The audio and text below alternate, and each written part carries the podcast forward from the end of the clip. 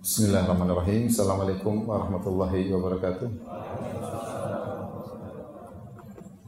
Innal hamdalillah nahmaduhu wa nasta'inuhu wa nastaghfiruhu wa natubu ilayh. Wa na'udzu billahi min shururi anfusina wa sayyiati a'malina. May yahdihillahu fala mudilla lahu wa may yudlil fala hadiya lahu. Wa asyhadu an la ilaha illallah wahdahu la syarika lah. Wa asyhadu anna Muhammadan abduhu wa rasuluhu la nabiyya ba'dahu.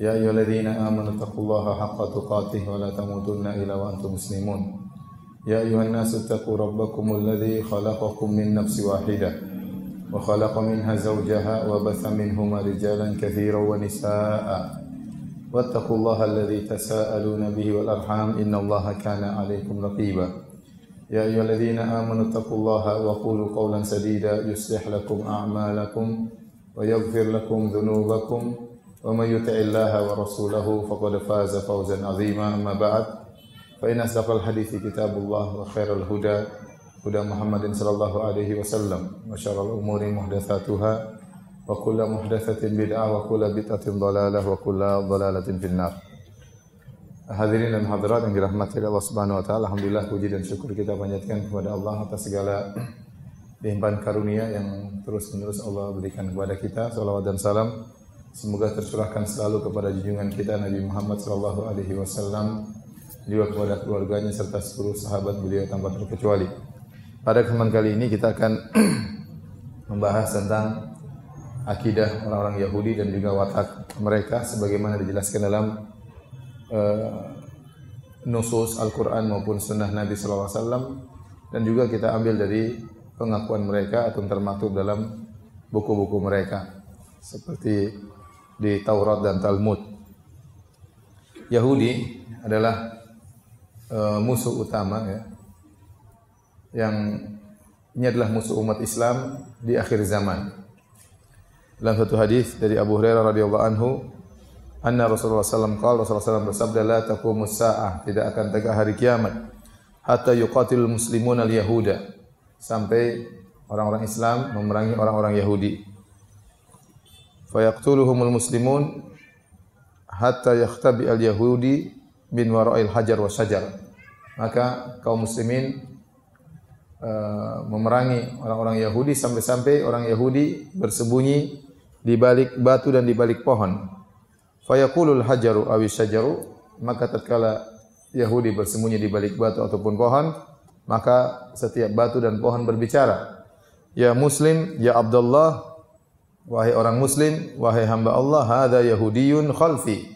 Ini ada seorang Yahudi bersembunyi di belakangku. Fata'al faqtulhu, maka kemarilah dan bunuhlah dia.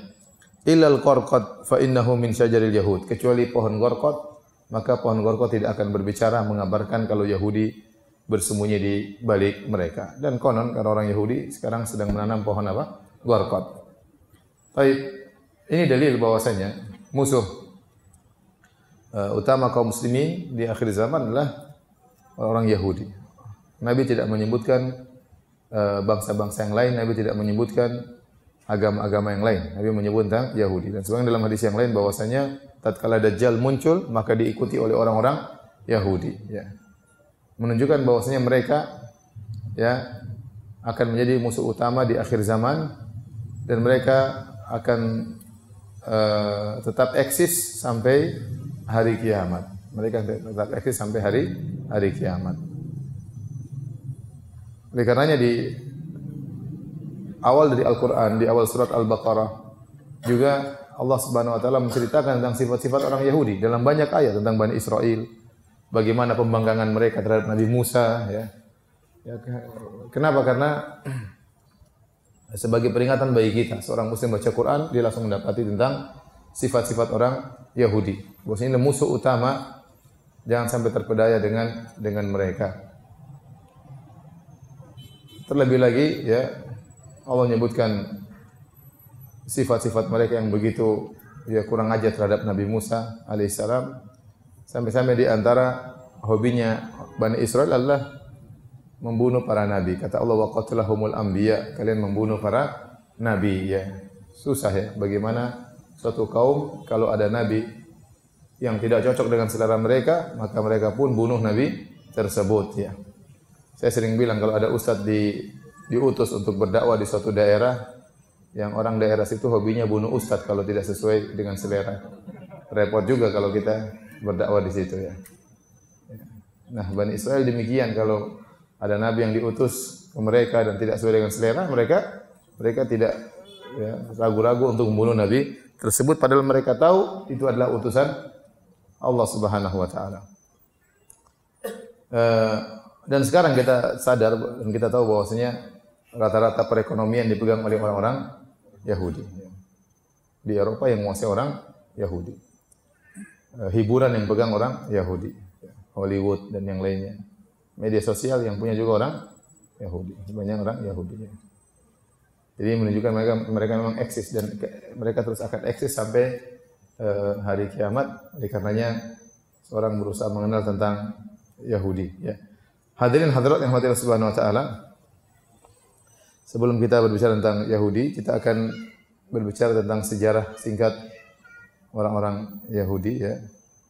Baru kita masuk dalam kitab suci yang dijadikan pegangan oleh orang Yahudi.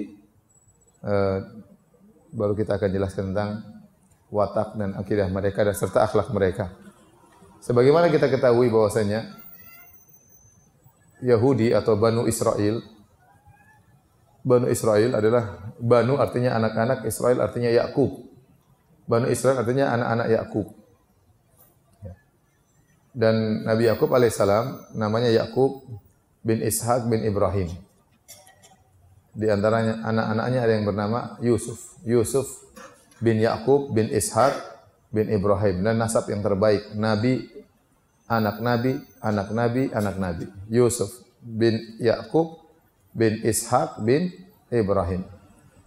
Dan sebagaimana Allah sebutkan dalam kisah surat Yusuf, tatkala Ishak atau uh, Yakub punya anak 12, ya, di antaranya Yusuf, di antaranya Binyamin, di antaranya Yahuda, ya, salah seorang di antara 12 itu namanya Yahuda. Ada yang mengatakan Yahuda ini anak tertuanya. Ya.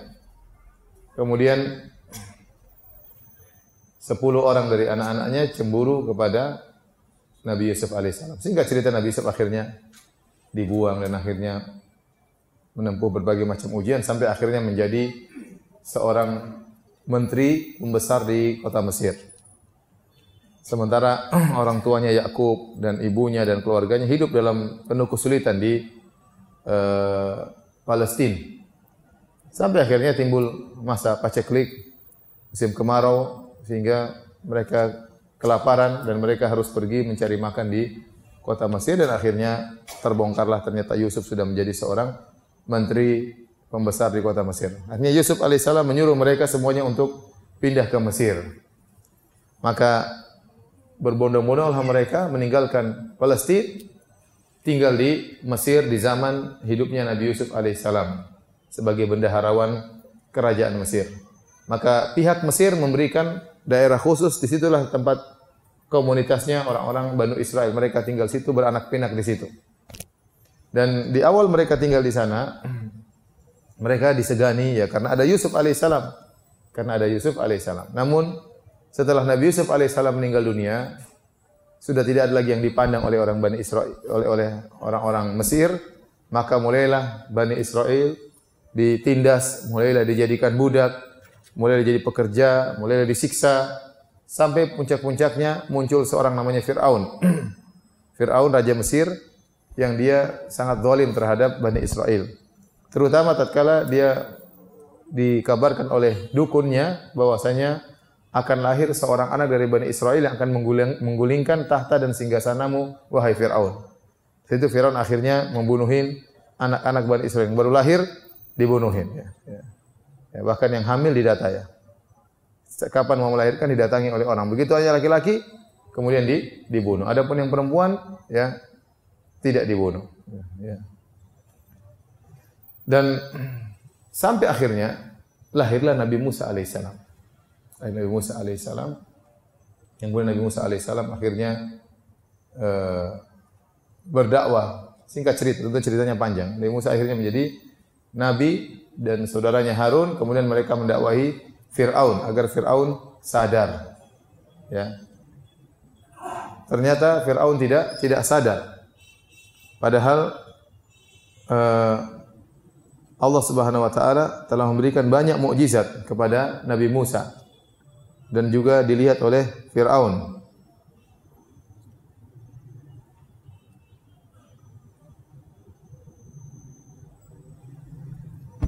Sampai Allah mengatakan walaqad ataina Musa tis'ata ayatin ya bayyinat.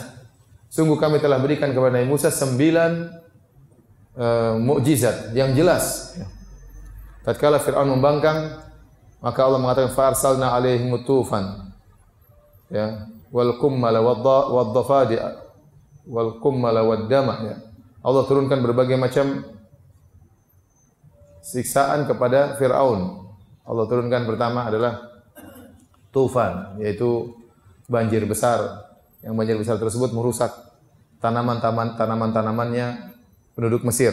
Sementara tanaman-tanaman Bani Israel tidak dirusak. Akhirnya mereka berdoa, qalu ya Musa du'u lana rabbaka. Wahai ya Rabb, ya Musa, berdoalah kepada Rabbmu agar menghilangkan ini semuanya. Kalau ini semua sudah hilang kami akan sadar. Maka dari Musa berdoa, akhirnya bencana tufan itu hilang. Waktu bencana tufan hilang, ya tanah menjadi gembur menjadi subur.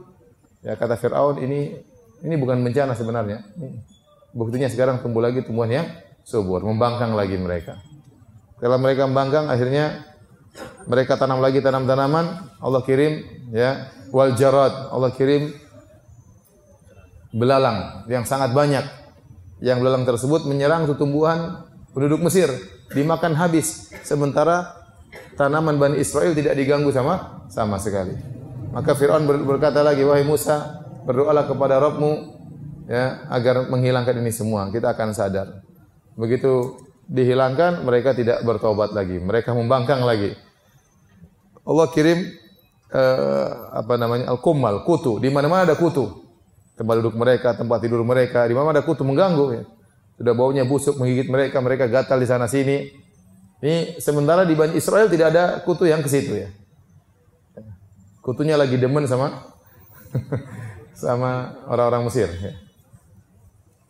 Orang Mesir sukunya namanya Al-Qibt yaitu Akbab. Terus mereka minta kepada Musa agar menghilangkan itu semua dan ini semua mujizat dilihat oleh Bani Israel. Kemudian mereka hilangkan kutu, mereka kembali membangkang ya. Allah kirim apa? darah ya. Darah. Semua sumber air mereka berubah menjadi darah. Sungai Nil yang menjadi sungai darah. Tidak ada air tawar. Bayangkan sungai bukan berwarna merah, jadi darah. Gimana mau minum darah? Mereka bingung. Mau masak pakai apa, minum pakai apa? Sementara sumur-sumurnya Bani Israel tidak ada darahnya. Mereka bilang, ya sudah, kita ambil air dari sumurnya Bani Israel.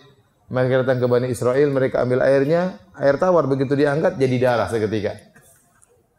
Berdoa lagi Musa, bilang Tuhan menghentikan. Akhirnya Nabi Musa berdoa. Mereka tidak taubat lagi. Kemudian Allah kirim lagi kodok. Kodok di mana-mana. Setiap mereka makan ada kodok. Mereka ngobrol ada kodok. Mereka rapat ada kodok. Mereka tidur ada kodok. Sambil disebutkan mereka tidak berani mangap. Kalau mereka buka mulut, kodok langsung masuk. Jadi sementara Bani Israel tidak ada kodok di situ. Tidak ada kodok. Ini mujizat paling banyak ya. Akhirnya Fir'aun jengkel. Ya dan dia melakukan rencana buruk akhirnya Allah menyuruh Nabi Musa alaihissalam untuk membawa lari kaumnya. Musa tidak mampu untuk berperang tatkala itu. Kemampuan tidak ada. Jumlah Bani Israel cuma sedikit, itu pun lemah, tidak punya kekuatan. Sementara Firaun ya, hebat, pasukannya banyak, persenjataan lengkap. Tidak mungkin Allah suruh Musa berjihad lawan apa? Lawan Firaun. Terkadang harus kabur karena tidak memungkinkan Sebagaimana Ashabul Kahfi juga tidak bisa berjihad.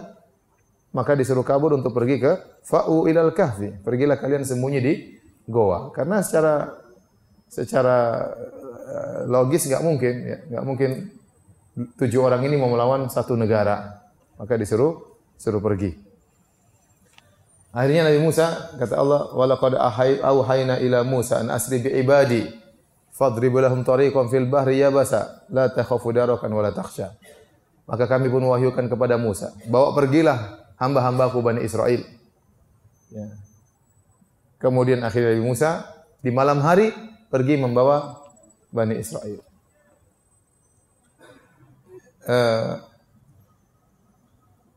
waktu Nabi Musa atau waktu Nabi Yusuf menyuruh keluarganya pindah dari Mesir dari Palestina menuju Mesir disebutkan oleh dalam literatur orang Yahudi jumlah mereka 70 karena mereka keluarga kecil ya Yakub sama istrinya mungkin dua atau tiga atau empat anak-anaknya sepuluh ponakan-ponakannya semua jumlahnya total berapa? Tujuh? Tujuh puluh. Kemudian mereka tinggal di Mesir sampai muncul zaman Nabi Musa. Antara Nabi Yusuf dengan Nabi Musa disebutkan 430 tahun atau 450 tahun jarak Nabi Yusuf sampai Nabi Musa. Nah, tatkala Nabi Musa membawa orang-orang ini keluar dari Mesir menuju ke balik ke Palestina, maka orang-orang Yahudi zaman sekarang mengaku bahwasanya jumlah yang dibawa oleh Nabi Musa untuk keluar dari Mesir menuju Palestina itu jumlahnya sekitar 700 ribu orang. 700 ribu orang. Namun yang dibantah oleh para ulama karena nggak mungkin ya 700 ribu orang itu bukan jumlah yang sedikit, itu jumlah yang banyak terutama di zaman di zaman tersebut. Apalagi waktu Fir'aun tahu mereka sudah kabur, Padahal tatkala Fir'aun tahu bahwasanya Bani Israel sudah kabur, maka Fir'aun dengan sombongnya mengatakan inna haula'i lasyirzimatun qalilun. Sungguhnya mereka itu jumlahnya cuma sedikit. Jadi Fir'aun mengatakan sudah, kita akan kejar mereka, kita akan binasakan mereka. Kita banyak haula'i syirzimatun qalilun, cuma sedikit. Dan secara logika juga tidak mungkin. Bayangkan 400 tahun yang lalu, taruhlah 500 tahun yang lalu, jumlah mereka 70. Masa dalam waktu 500 tahun menjadi 700 ribu? Mungkin atau tidak? Nggak mungkin karena 5 tahun cuma 5 generasi atau 6 generasi. Mau istrinya 20 pun nggak bisa sampai. Apalagi istrinya cuma satu-satu. Nggak mungkin dari 70 langsung menjadi dari 70 menjadi 700 ribu. Ya nggak mungkin. Jadi yang benar Nabi Musa membawa umatnya Bani Israel tidak sampai 700 ribu. Taruhlah ribuan iya. Tapi kalau sampai 700 ribu terlalu terlalu banyak, nggak mungkin. Lagi pula tidak mudah membawa umat yang sebanyak itu.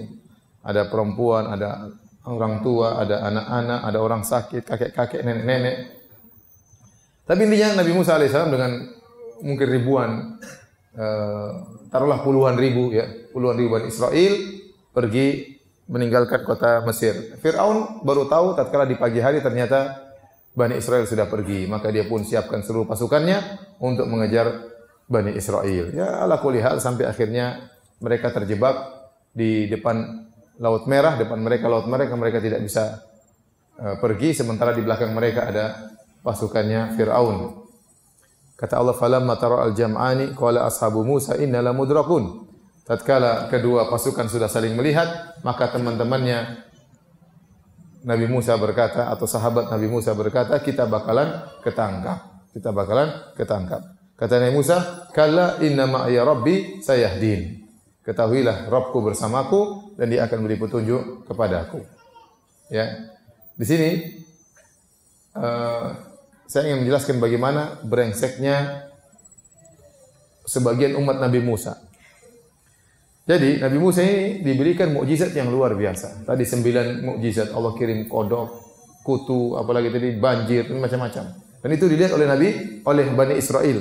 Bagaimana cobaan-cobaan dan azab-azab tersebut hanya menimpa Mesir, suku Akbat. Adapun Bani Israel tidak terkena musibah-musibah tersebut.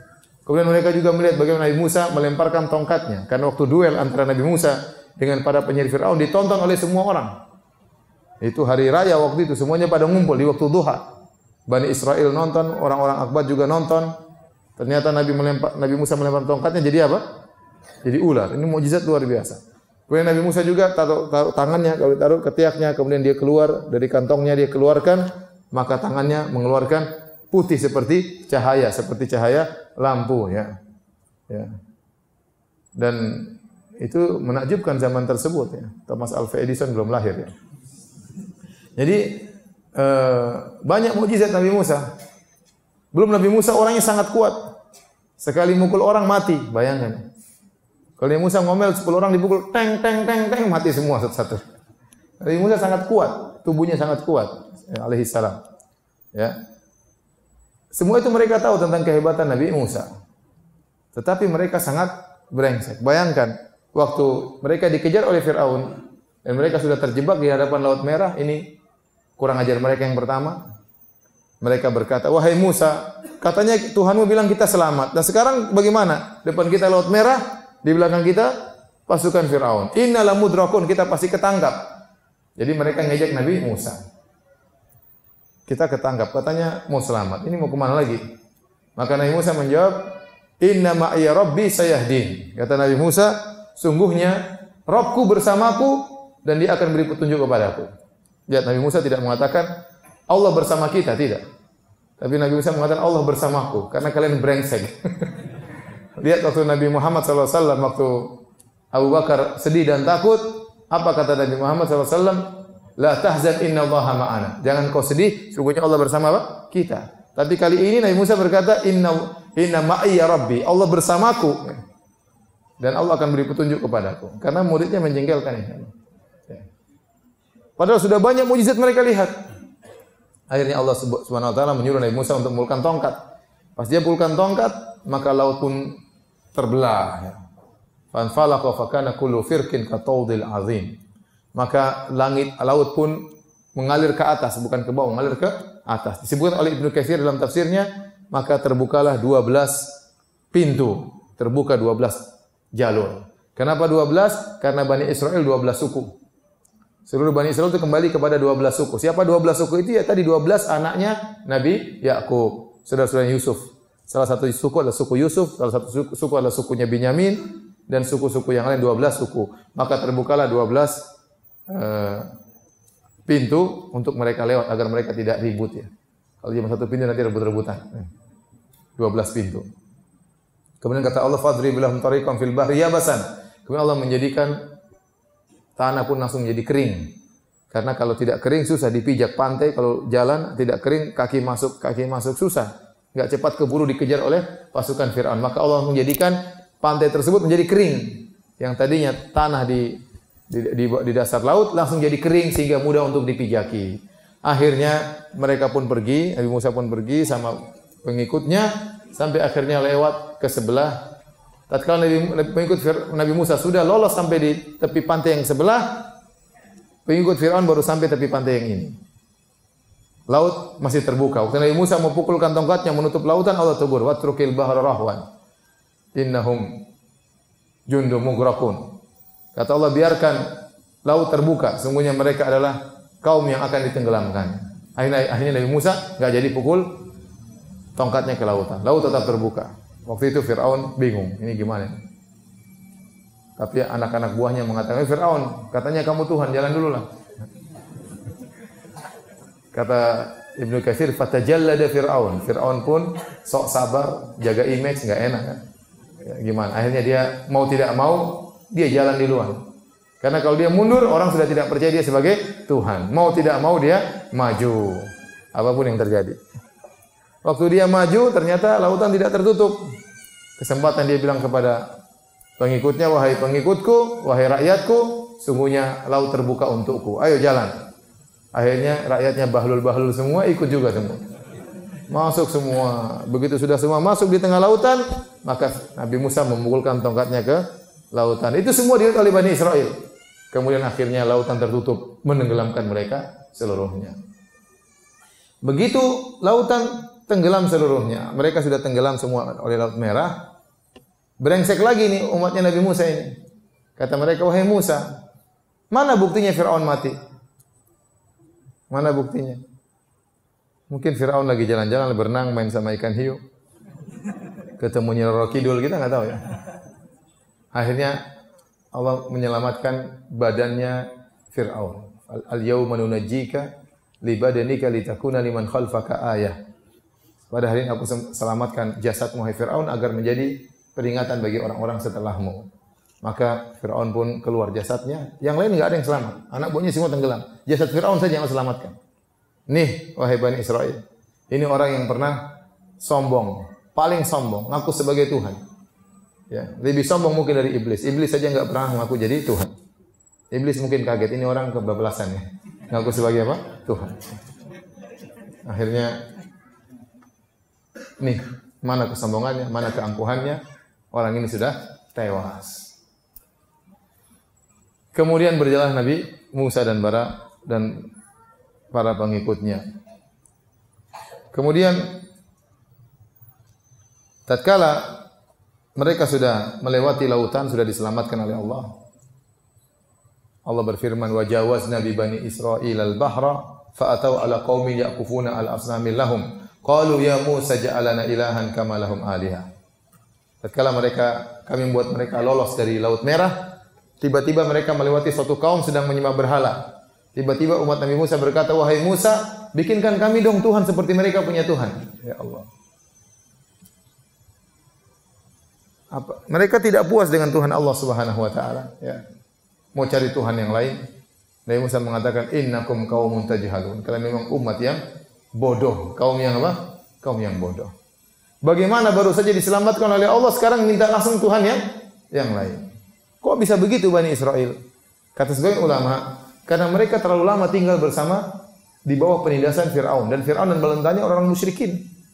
Sehingga ke keberadaan mereka tinggal bersama suku Akbat, sukunya Fir'aun. Apalagi posisi mereka sebagai tertindas, sebagai budak, ini mempengaruhi kehidupan mereka. Orang biasanya melihat suku yang di atas. Sehingga dia terpengaruh dengan sifat-sifat keyakinan suku yang yang di atas. Saking lamanya ya. Kita saja di Indonesia, ya saking lamanya agama lain pernah ada sebelum Islam, maka masih banyak tradisi-tradisi yang masih terpengaruh dengan uh, agama tersebut. Ya. Ya, karena tidak mudah untuk di, di, dihilangkan. Ya. Baik. Kemudian Nabi Musa alaihissalam di antaranya dipanggil oleh Allah untuk bertemu dengan Allah Subhanahu wa taala. Maka Nabi Musa alaihissalam pergi ke Bukit Tursina Nabi Musa suruh Nabi Harun jaga umatnya. Waktu Nabi Musa pergi, ternyata mereka diperdaya oleh Samiri, akhirnya mereka membuat patung sapi dari emas. Nabi Harun sudah tegur, "Walaqad qala lahum Harun min qablu ya qaumi inna ma futintum bi wa inna rabbakumur rahman. Fattabi'uni wa ati'u amri." Dan Harun sudah mengingatkan mereka, "Wahai kaum, sesungguhnya kalian terfitnah. Sungguhnya Rabb kalian adalah Allah, maka ikutilah aku dan taatlah kepada perintahku." Apa kata Bani Israel? Qalu lan nabrahu alaihi akifina hatta yarji ilaina Musa. Kami tidak bakalan meninggalkan peribadatan terhadap sapi ini sampai Musa datang. Jadi mereka enggak menganggap Harun. Yang mereka takut cuma siapa? Nabi Musa. Sebab Nabi Musa lagi dipanggil Allah, mereka bikin kesyirikan. Ini umat yang sangat sangat brengsek. Ya. Waktu Nabi Musa pulang, Nabi Musa lihat mereka nyembah berhala, Nabi Musa marah. Sampai Nabi Musa pegang alwah isinya Taurat Nabi Musa ya wa alqal alwah dia banting itu apa? Taurat itu. Bayangkan lagi marah biar kita pegang Al-Qur'an saking marahnya kita lempar apa? Al-Qur'an. Saking marah Nabi Musa. Padahal itu ada kitab suci di situ. Ya. Saking marahnya kemudian Nabi Musa datang kepada Nabi Harun Nabi Musa pegang kepala Harun sama jenggotnya ditarik ya juruhu ilai eh Harun kok bisa begini Nabi mengatakan Ya bena ummi, la ta'khudh bi lihyati wala bi ra'si. Jangan kau pegang leher rambutku dan jangan kau pegang apa? Jenggotku. Tarik. Saya sudah ingatkan mereka, mereka tidak mau dengar. Ini dalil bahwasanya Nabi Harun jenggotan. Nabi Musa juga jenggotan. Tuhan Yesus juga jenggotan. Semua orang orang baik rata-rata jenggotan. Santa Claus saja jenggotan. Konghucu jenggotan. Ya. Biksu-biksu juga apa? Jenggotan. Terus sekarang ada orang bilang tidak boleh jenggotan. Taib. Akhirnya eh, Nabi Musa pun marah. Akhirnya Allah Subhanahu wa taala menyuruh Bani Israel untuk bertobat. Di antara bentuk tobat mereka adalah faqtulu anfusakum, bunuhlah diri kalian. Kenapa? Karena mereka ini mukjizatnya banyak, makanya hukuman juga berat. Ya. Kita baca dalam surat Al-Baqarah bagaimana mukjizat Allah berikan kepada kepada mereka. Tatkala mereka berjalan meninggalkan kota Mesir, berjalan di tengah perjalanan di padang pasir atau di mana, mereka kehausan. Kata mereka, wahai Musa, ya, wa idza Musa liqaumihi faqul nadrib bi asaqal hajar fajarat minhu husnata asyrata aina. Mereka bilang, wahai Musa, kami kehausan, minta sama Tuhanmu, berikan kami air. Maka Nabi Musa pukul batu, tung batu besar. Maka keluarlah air 12 keran. Air 12 keluar karena mereka 12 suku biar enggak rebutan. Karena kalau satu mereka rebut-rebutan. Jadi 12 keran langsung keluar dari batu tersebut. Bayangkan enggak ada sumber air. Batu keluar apa? Air. Sampai disebut oleh ahli tafsir, batu itu mereka bawa ke mana-mana. Pokoknya kalau lagi haus, ping keluar air. mujizat itu, mujizat ini mujizat seperti tidak pernah di zaman Nabi SAW. Nabi SAW mujizatnya cuma sedikit. Tapi mujizat yang Allah berikan kepada Nabi Musa dilihat oleh umatnya sangat banyak. Tadi bayangkan batu dipukul ke apa? Kena. Ya. Mereka jalan tengah jalan, ya Musa, kami kepanasan, matahari terik sekali, minta kepada Tuhanmu akan beri naungan kepada kami. Tapi Musa berdoa, ya Allah berikanlah naungan kepada kami. Kata Allah, wa dhallalna alaikumul ghamama. Kami pun datangkan awan menaungi mereka. Di mana-mana mereka berjalan, teduh. Bayangkan. Mujizat atau bukan? Mujizat. Bayang ke mana-mana awan ikut. Teduh di mana-mana. Ya. Orang lain kepanasan, mereka tidak kepanasan. Mereka juga lapar. Ya Musa, kita ingin makan. Mana makanan? Minta sama Tuhanmu. Kamu kan Nabi, minta sama Tuhanmu apa? Jadi sedikit-sedikit ngeluh. Sedikit-sedikit apa? Ngeluh. Maka Nabi Musa berdoa, kata Allah wa anzalna alaikumul manna wasalwa. Kami turunkan alman wasalwa. Alman itu makanan yang Allah turunkan yang gantung di pohon mereka tinggal ngambil, tidak usah diolah lagi, tinggal dimakan. Ada yang bilang makan, ada yang mengatakan madu. Mana? Salwa burung, burung yang enak tinggal mereka tangkap, mereka panggang makan. Dikasih makan mana wasalwa? Sudah dikasih makan mak makanan banyak, mereka bosan. Kata mereka, Wa idh qultum ya Musa lan nasbiru ala ta'amin wahid. Fad'u lana rabbaka yukhrij lana mimma tumbitul ardu min bakliha wa kithai wa fumiha wa adasiha wa basaliha. Qala atastabdil alladhi huwa adna bil ladhi huwa khair. Ihbitu misran fa inna lakum. Kata mereka, wahai Musa, kami bosan makan mana wasalwa terus. Bosan ini makan dari langit loh. Makan dari langit. Ada yang mengatakan dari surga. Enggak, kita mau yang lain.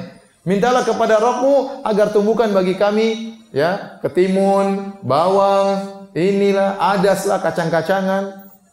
Kata Musa, apa kalian ingin mengganti suatu yang baik dengan suatu yang buruk? Ini mana wasalun makanan spesial. Suruh ganti dengan bawang, ketimun. Kata Nabi Musa, eh bitu misran. Kalau kamu cari bawang, ketimun, di kota mana saja ada. Kalau mana salah mau dapat dari mana? Tapi mereka begitu, nggak sabar, bosan wahai Musa. Jadi mereka yang paling brengsek itu. Umat yang paling brengsek umatnya Nabi Musa. Nah, akhirnya waktu mereka menyembah sapi, Allah suruh mereka bertobat. Di antara tobatnya, faqtulu anfusakum bunuh diri kalian. Akhirnya yang tidak menyembah berhala pegang pisau, yang menyembah berhala suruh duduk dalam Allah kasih kegelapan. Disuruh tikam itu orang yang berhala. Sampai kegelapan itu hilang. Itu cara mereka bertobat. Maka akhirnya begitu datang kegelapan mereka pun tikam terus tikam tikam sampai kegelapan hilang. Banyak yang maju tatkala itu karena yang menyembah berhala sangat sangat banyak. Ya. Oleh karenanya Allah dalam syariat Islam sudah dihilangkan apa? Dihilangkan kesulitan. Kita bertobat tidak perlu begitu ya. Orang musyrik kalau bertobat tinggal kembali kepada Allah yang pernah menyembah berhala, yang pernah berbuat kesyirikan, yang pernah percaya dukun, tidak perlu menikam diri sendiri. Dulu cara bertobatnya seperti itu Bani Israel. Karena sesuai mereka diberi diberi mukjizat yang sangat banyak yang mereka lihat langsung, tapi mereka suka membangkang. Baik. Kemudian di antara brengseknya mereka ya ketika uh, Nabi Musa sudah sudah mau sampai di Palestina karena mereka keluar dari Mesir menuju Palestina, kampung halaman. Begitu sampai di Palestina, Nabi Musa suruh mereka untuk masuk ke dalam kota Palestina. Ternyata di dalam kota Palestina tersebut sudah dikuasai oleh sekelompok suku yang mereka kuat-kuat. Ya. Nabi Musa mengatakan, ayo masuk, jihad lawan mereka. Kata mereka, inna lan inna fiha qauman jabbarin wa inna lan nadkhulaha hatta yakhruju minha fa yakhruju minha fa inna dakhilun. Lihat brengseknya mereka. Kata Nabi Musa, pergi kalian berjihad, usir itu orang-orang dari kampung kita agar kita tinggal di situ. Apa kata Bani Israel? Wahai Musa, sungguhnya di situ ada orang-orang yang jago-jago. Kami tidak bakalan ke situ sampai mereka keluar. Kalau mereka sudah keluar, baru kita yang tinggal loh. Mereka itu nggak bisa keluar, keluarkan mereka. Oh enggak, tunggu mereka keluar dulu baru kita. Ya kapan keluarnya? Disuruh ngusir nggak mau, nggak mau jihad. Nabi Musa bilang, ayo maju perang. Sampai ada yang nasihati.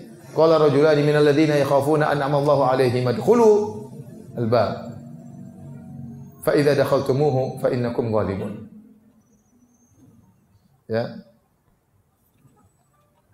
Kata mereka udkhulu alaihimul bab. Kata dua orang ini yang takut kepada Allah di antaranya Yusha bin Nun mengatakan kepada kaumnya, "Ayo masuk. Kalau kita sudah masuk pintu Palestina, kita akan mengalahkan mereka." Fa idza fa idza dakhaltumu fa innakum ghalibun. Kalau kalian masuk kalian pakai pasti menang. Ternyata mereka tetap tidak mau. Bani Israel punya ide yang sangat cemerlang. Tatkala mereka tidak mau masuk untuk berjihad, apa kata mereka? Kata mereka, Qalu ya Musa, inna lanadkhulaha abadan madamu fiha. Wahai Musa, ketahuilah, kami tidak bakalan masuk itu selama mereka masih di situ. Abadan selama-lamanya, enggak mungkin. Kita punya ide Musa, fadhhab anta wa rabbuka faqatila innaha huna qaidun. Kau saja Musa pergi dengan Tuhanmu lawan mereka. Kita di sini nunggu hasilnya. Ini ide mereka yang paling cemerlang. Saat itu Nabi Musa kemudian berdoa kepada Allah. Fafruk baina wa bainal qaumil fasiqin. Ya Allah, berilah keputusan antara kami dengan orang-orang fasik tersebut. Maka Allah memberi hukuman kepada mereka, qala fa innaha muharramatun alaihim. Sungguhnya Palestina haram bagi mereka. Arba'ina sanatan yatihuna fil ard. Maka mereka pun diombang-ambingkan oleh Allah selama 40 tahun. Mereka menuju Palestina enggak bisa. Diputar terus, mau ke sana tertutup selalu enggak enggak sampai ke Palestina. Diputar arahnya oleh Allah sehingga mereka tersesat selama 40 tahun. Fala ta'sal qaumil fasikin. Jangan kau sedih terhadap orang-orang yang uh, fasik. Dan di antara jadi mereka ini apa ya? Sangat kurang ajar ya. Bayangkan dalam hadis disebutkan Sahih Bukhari sebelumnya dalam Al-Qur'an Allah mengatakan ya ayyuhalladzina amanu la takunu kalladzina adaw Musa fabarra'ahu Allah fabarra'ahu Allah mimma qalu wa kana indallahi wajiha. Wahai orang-orang beriman, janganlah kalian seperti orang-orang yang menyakiti Musa menuduh Musa dengan tuduhan yang tidak-tidak. Fabarra'ahu Allahu mimma qalu, maka Allah pun membersihkan Musa dari tuduhan mereka. Wa kana indallahi wajiha. Padahal Nabi Musa itu punya kedudukan yang tinggi di sisi Allah. Ayat ini berkaitan dengan apa? Berkaitan dengan tuduhan orang-orang Bani Israel terhadap nabinya Nabi Musa. Jadi Nabi Musa di orang Bani Israel itu punya kebiasaan mereka kalau mandi laki-laki barang-barang ngumpul mereka mandi telanjang tidak berpakaian dan mereka di satu sungai kumpul mereka situ dan itu dulu hal yang biasa bagi mereka. Nabi Musa alaihissalam dia seorang yang pemalu. Dia tidak mandi bersama mereka. Dia pergi ke tempat yang lain kalau mandi. Mereka ngejek itu Musa kenapa mandi tempat lain? Pasti ada masalah di di sekitar kemaluannya. Dan mereka nuduh Nabi Musa punya penyakit. Bayangkan ini kalau ustadz dibegitu gituin sama murid kan ustadznya jengkel. Ini apalagi Nabi. itu ustadz tuh nggak pernah makan sama kita. Itu udah masalah ustadz. Ini Nabi digituin sama murid-muridnya. Brengsek, brengsek. Akhirnya Nabi Musa suka mandi sendiri, tidak mandi bersama mereka. Suatu hari Allah ingin agar Nabi Musa bebas dari tuduhan tersebut. Mereka jadi gunjingan terus. Musa itu nggak pernah mandi sama kita karena punya masalah sekitar kemaluannya. Akhirnya Nabi Musa suatu hari mandi, dia taruh baju di atas batu, kemudian dia mandi. Tahu-tahu Allah bikin batu itu jalan. Bawa pergi bajunya. Waktu Nabi Musa lihat, Nabi Musa naik. Dari sungai naik ke atas. Ya hajar, hajar, saubi. Woi batu, bajuku, bajuku. Nabi Musa kejar. Kejar sampai melewati tempat pemandian murid-muridnya. Oh, ternyata enggak. Kita salah duga ternyata.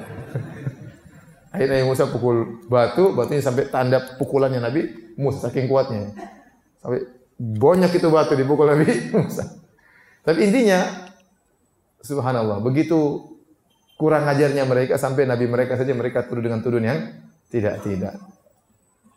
Ini gambaran tentang Bani Israel. Kita lanjutkan ya. Nah, di masa mereka tersesat itu, 40 tahun mereka tersesat, mau masuk ke Palestina nggak bisa-bisa, Allah hukum mereka, maka di situ banyak mereka yang meninggal. Muncullah generasi baru. Di antara yang meninggal itu Nabi Harun meninggal di situ, Nabi Musa meninggal di situ, yang masih hidup Yusha bin Nun. Yusha bin Nun ini siapa? Yusha bin Nun ini adalah muridnya Nabi Musa yang setia kepada Nabi Musa yang tadi mengatakan wahai kaumku masuklah kalian jangan takut kalau kita masuk kita menang. Itu Yusha bin Nun di antaranya yang berkata demikian. Dan dialah yang menamai Nabi Musa dalam Al-Quran yang Allah sebutkan tatkala Nabi Musa mencari Nabi Khadir. Yang Allah Subhanahu wa taala berfirman, "Wa idz qala Musa li fatahu." Wah, tatkala Musa berkata kepada pembantunya. Pembantunya ini maksudnya siapa? Yusha bin bin Nun. Yusha bin Nun disebutkan suatu hari dia sedang berjihad, kemudian matahari akan tenggelam dan kode etik peperangan zaman tersebut kalau matahari tenggelam berhenti. Padahal musuh sudah mau kalah, maka dia berdoa kepada Allah, "Ya Allah, Engkau perintahkan kami untuk berjihad." Maka perintahkanlah matahari untuk berhenti, jangan dulu tenggelam. Maka berarti matahari berhenti, maka dia berjihad sampai selesai baru matahari apa? Tenggelam. Itu pernah dialami oleh Yusha bin Nun alaihi salam. Maka kemudian mereka pun masuk di negeri Palestina. Ya. Kemudian setelah itu muncul sejarah mereka ada tiga tahapan.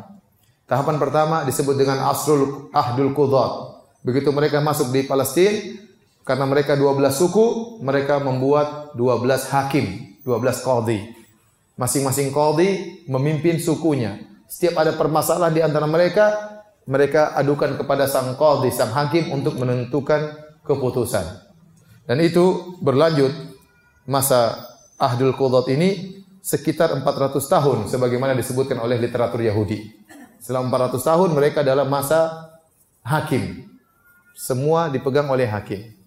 Setelah 400 tahun lewat, maka berubah menjadi tahapan kedua namanya Ahdul Muluk, masa kerajaan. Sebagaimana Allah sebutkan dalam Al-Qur'an, kata Allah alam taro ilal mala'i min bani Israil min ba'di Musa, id qalu nabiyyun lahum ba'ath lana malikan nuqatil fi sabilillah tatkala sekelompok Bani Israel setelah zamannya Nabi Musa berkata kepada nabi mereka, ya, wahai nabi kami, mintalah kepada Rabbmu agar mengutus seorang raja yang dengan raja tersebut kami akan berjihad melawan orang-orang kafir. Akhirnya Allah kabulkan permintaan mereka, maka Allah utuslah Inna Allah ba'atha lakum taluta malika. Qalu anna yakunu lahul mulku wa nahnu alaina wa nahnu ahaqqu bil wa, wa nahnu ahaqqu bil mulki minhu wa lam yu'ta sa'atan minal mal. Ya. Waktu Allah katakan yang jadi raja Tolut, mereka protes subhanallah. Mereka minta kepada Allah pilihkan raja. Nabinya sudah pilih Tolut adalah raja kalian, mereka protes. Kata mereka Tolut miskin, kenapa jadi raja? Tukang brengsek orang Bani Israel. Kenapa Tolut yang miskin jadi raja? Allah jelaskan bahwasanya Tolut telah diberikan kekuatan tubuh dan ilmu yang kuat. Akhirnya Talut menjadi raja wa qatala Talut tidak apa apa akhirnya Talut berperang dan mengalahkan apa? Mengalahkan orang-orang tatkala itu ya. Musuh mereka dikalahkan oleh Talut. Nah, sejak saat itu maka sistem pemerintahan berubah menjadi sistem tadi hakim-hakim menjadi sistem raja. Teruslah mereka bersatu di atas raja. Meninggal raja ini muncul raja berikutnya, meninggal raja ini muncul raja berikutnya. Sampai akhirnya di masa puncak keemasan mereka adalah Raja Daud alaihissalam. Daud adalah nabi sekaligus apa? Raja. Ini Nabi Daud jauh setelah Nabi Sulaiman. Nabi apa? Nabi Musa. Setelah Nabi Daud maka punya anak namanya siapa? Sulaiman. Inilah puncak kejayaan mereka. Disebutkan oleh mereka bahwasanya di zaman Daud dan Sulaiman mereka membuat namanya Haikal Sulaiman, kerajaan Israel Raya. Yang kerajaan tersebut hancur dileburkan oleh musuh-musuh mereka di kemudian hari tinggal satu tembok saja dari kerajaan Sulaiman disebut dengan tembok ratapan. Mereka nangis di situ. Itulah sisa dari puing-puing kerajaan Haikal Sulaiman. Ya, kita tahu kisah Nabi Sulaiman panjang lebar. Intinya Sulaiman adalah raja yang terakhir setelah Nabi Sulaiman meninggal dunia, maka tahapan ketiga namanya tahapan perpecahan. Situlah timbul perselisihan antara anaknya Sulaiman dengan anak dari suku yang lain. Anaknya Nabi Sulaiman alaihissalam namanya Ruh Buam bin Sulaiman. Berselisih dengan seorang bernama Yur Buam bin Nubat. Ya.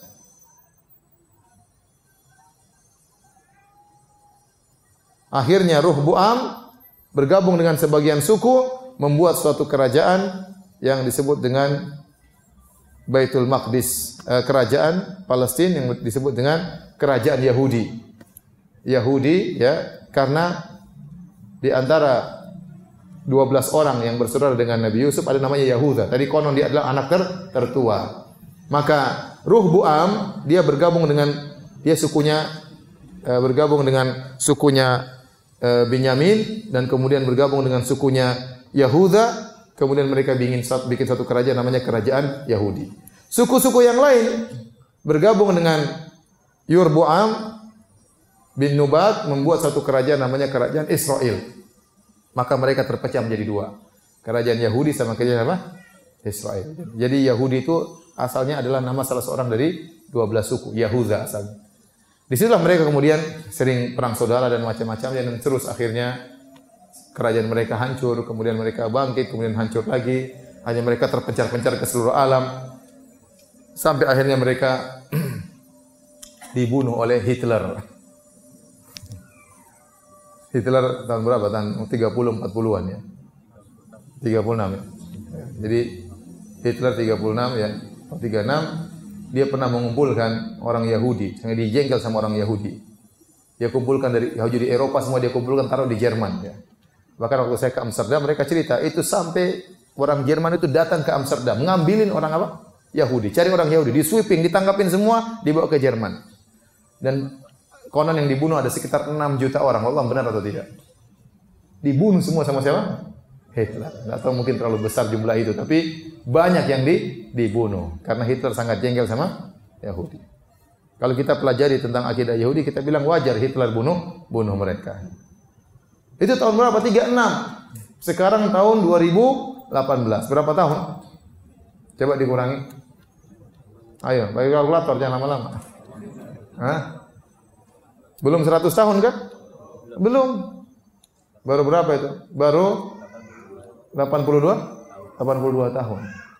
Sekarang setelah mereka dibunuh jutaan orang, sekarang mereka menguasai dunia lagi. Begitu cepat.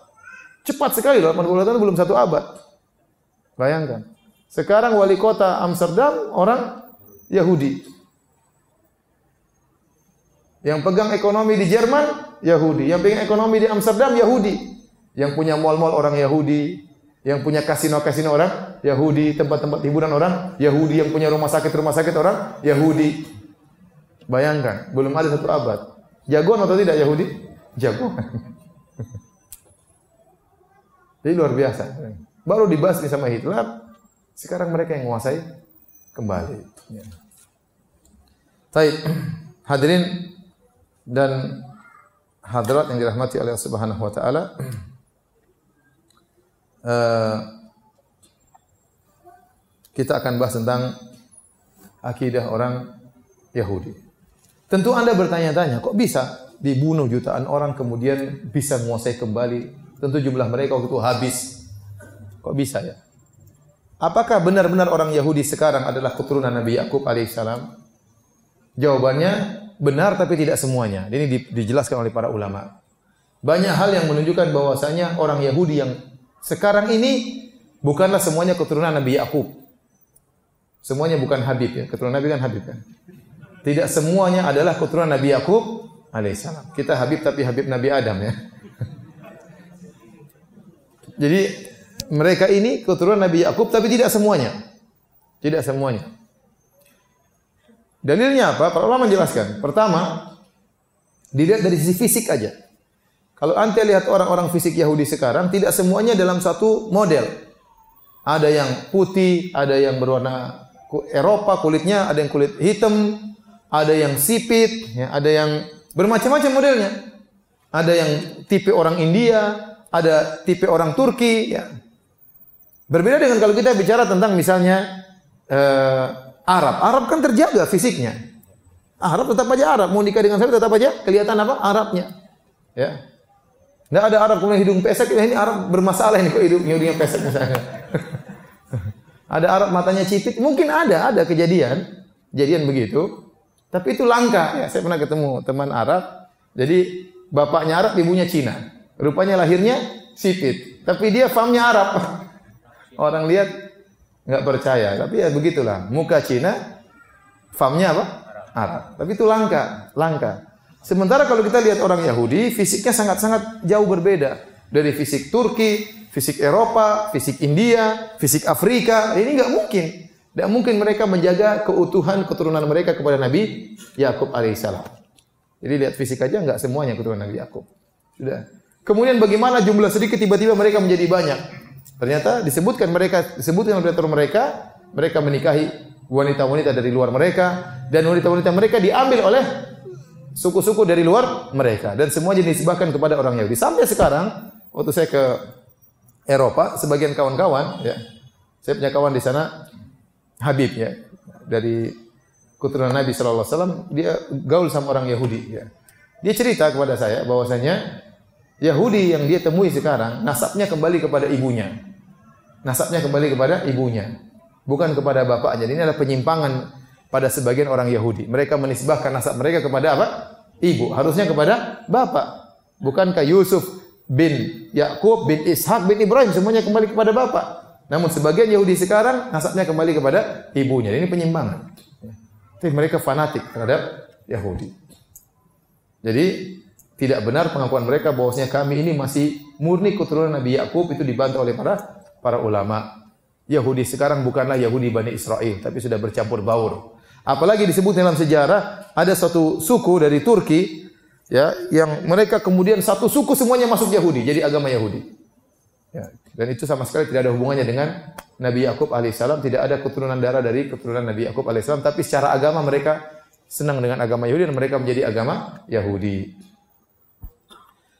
Baik, hadirin dan hadirat yang subhanahu kita akan berbicara tentang akidah orang Yahudi secara singkat ya.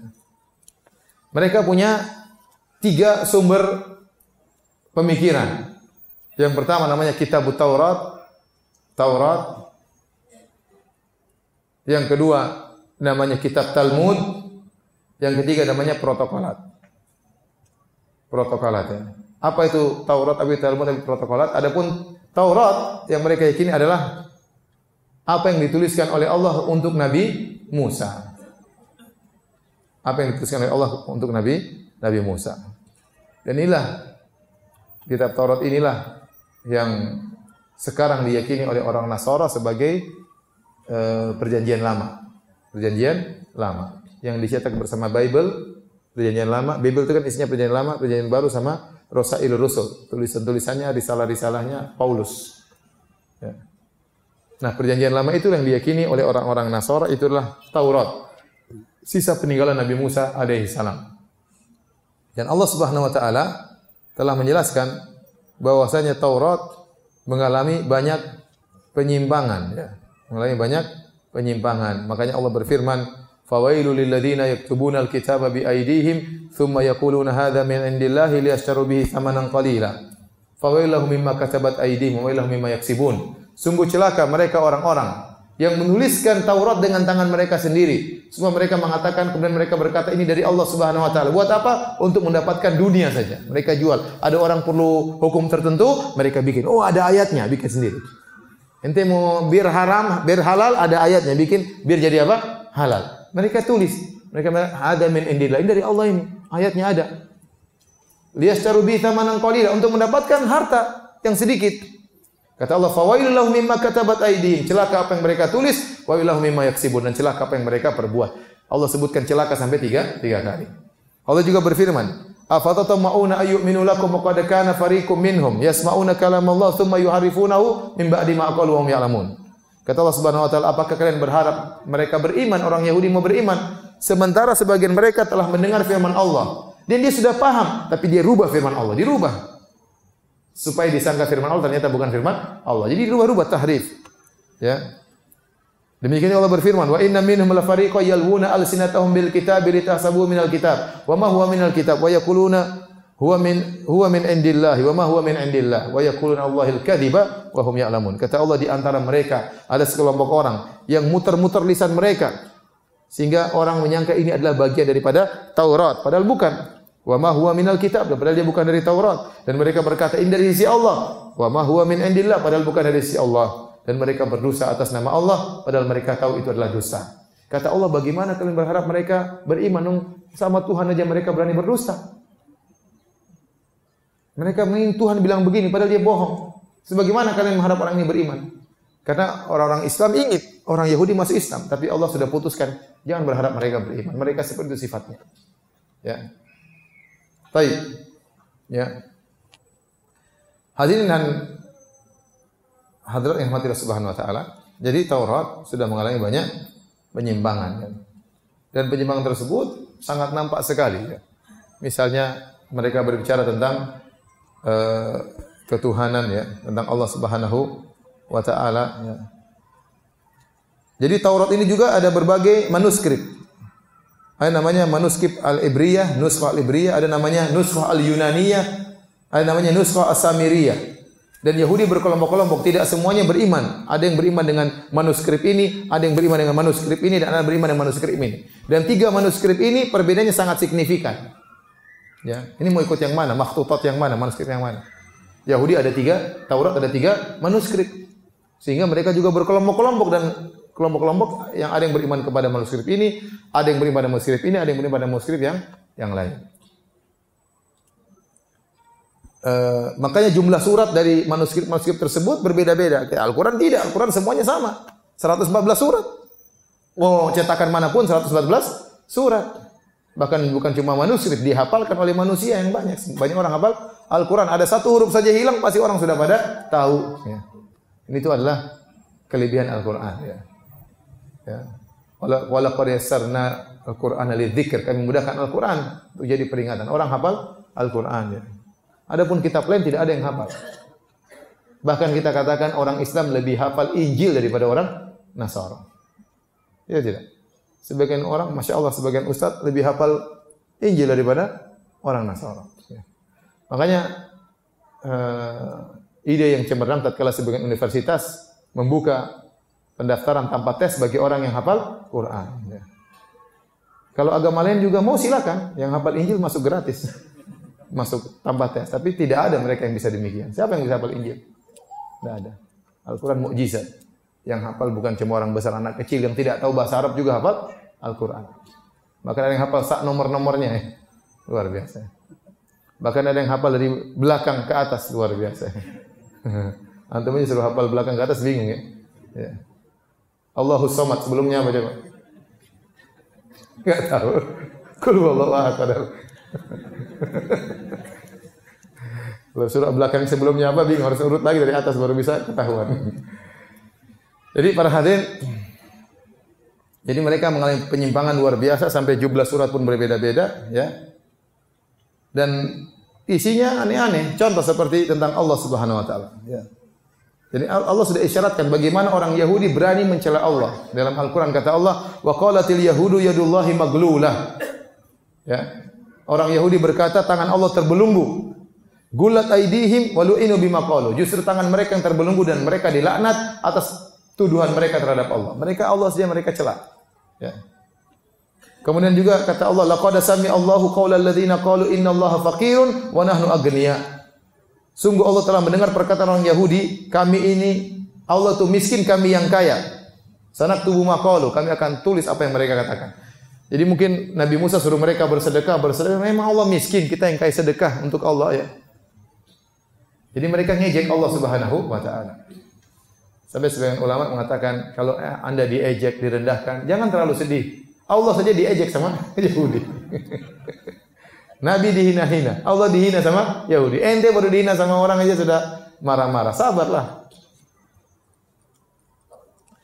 Oleh karena ini isyarat dari Allah bahwasanya mereka berani berbicara ngawur tentang Allah Subhanahu. Di antaranya mereka sebutkan dalam perjanjian lama, dalam Taurat, bahwasanya tatkala Allah selesai, ini dalam kitab Kejadian, ya, tatkala Allah selesai menciptakan alam semesta pada hari ketujuh, Allah istirahat. Ya. Jadi Allah istirahat pada hari ketujuh. Makanya orang Yahudi hari Sabtu itu adalah hari istirahat sebagai bentuk solidaritas terhadap Allah Subhanahu wa taala. Masa Tuhan istirahat ente kerja kan ente gimana? Ente ngejek Tuhan. Tuhan aja istirahat ente kerja. Sehingga mereka melarang orang kerja pada hari apa? Sabtu. Solidaritas sama Tuhan. Baik maksudnya. Allah bantah walaqad khalaqna samawati wal arda wa bainahum fi sittati ayyam wa ma masana min. Kata Allah, sungguh kami telah menciptakan langit dan bumi dan apa yang ada di antara keduanya dalam waktu enam hari dan kami tidak capek. Kami kebetulan saja sudah diatur oleh Allah, berhenti hari ke-6 selesai. Bukan berarti hari ketujuhnya istirahat. Coba kalau Allah berhenti hari Jumat, berarti Sabtu minggunya istirahat. Tidak ada kewajiban seperti itu ya. Kalau Allah ciptakan hari cuma alam semesta satu hari, berarti enam hari istirahat nanti. Siapa yang memahami demikian?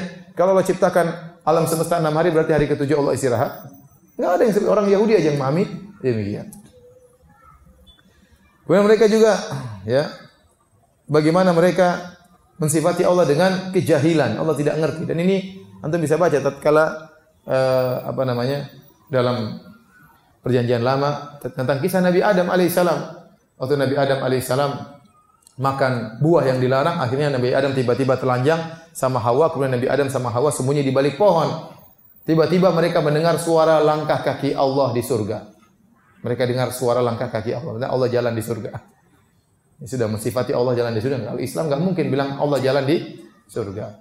Kemudian di waktu yang sejuk di surga, Allah tanya, Adam, di mana kamu? Bayangkan, Allah cari Adam di mana, Allah nggak tahu. Adam lagi sembunyi di belakang pohon. Eh, hawa hawa sembunyi sembunyi ada Allah. Ini juga penghinaan. Masa Adam tahu kalau dia sembunyi tidak ketahuan? Dia dalam Al-Quran Nabi Adam alaihissalam begitu dia bersalah langsung bertobat. Dia tahu Allah maha, maha mengetahui segalanya. Ini Adam masih yakin Allah bisa nggak tahu, makanya dia sembunyi. Kenapa dia sembunyi? Karena dia punya keyakinan Allah tidak tahu dia kalau sembunyi kan. Berarti kan secara tidak langsung Adam menuduh Allah itu jahil. Makanya ayo Hawa kita sembunyi aja nanti ketahuan lah. Bayangkan. Apakah ada yang tersembunyi bagi Allah Subhanahu wa taala? Dan begitu benar waktu Allah masuk surga Allah tanya, "Adam, kamu di mana?" Ternyata Allah memang tidak tahu. Ini tidak mungkin dalam Al-Quran ada seperti itu. Adam di mana? Adam di mana kamu Adam? Eh, dapat. Kemudian juga disebutkan dalam Taurat ya Nabi Nabi Adam Allah Subhanahu wa taala menyesal menciptakan manusia ternyata manusia tidak taat kepada Allah. Allah menyesal ciptakan apa? Manusia. Makanya Allah kirim banjir buat kaum Nabi Nuh. Kenapa Allah menyesal ciptakan mereka? Dan penyesalan tidak pantas bagi Allah. Orang menyesal itu apa? Dia tidak tahu rencana ternyata begini.